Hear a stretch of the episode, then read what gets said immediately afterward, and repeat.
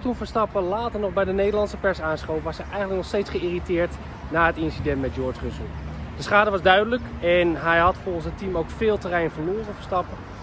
Maar het was vooral de uitspraken over Russell die, eh, die toch wel de wenkbrauwen deden fronsen. Uh, hij was erg kritisch over Russell.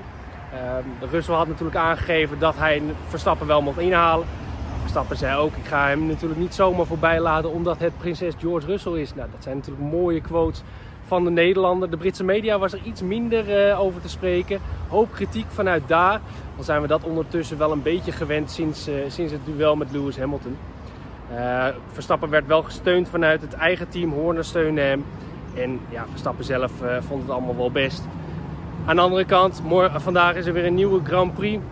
Daar zijn de meeste punten verdelen. En de pace van de onbeschadigde RB19 bij Sergio Perez liet toch wel zien wat, wat voor overmacht Red Bull op dit moment heeft.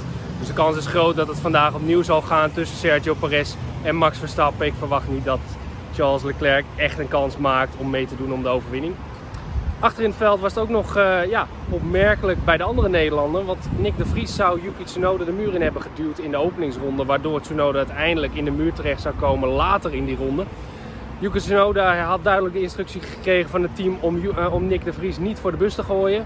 Hij liet in eigenlijk alle persmomenten weten dat het ging om some guy. Nou ja, iedereen wist natuurlijk wel dat het over Nick de Vries ging. De Vries zelf was zich van geen kwaad bewust. Hij zei dat er uh, inderdaad geen ruimte was voor twee coureurs in die bocht. En dat Yuki eigenlijk gewoon van zijn gas af moeten gaan. Uh, dat, uh, dat zijn teamgenoot uiteindelijk in de muur kwam omdat hij misschien iets te weinig ruimte liet. Ja, dat liet hij verder in het midden.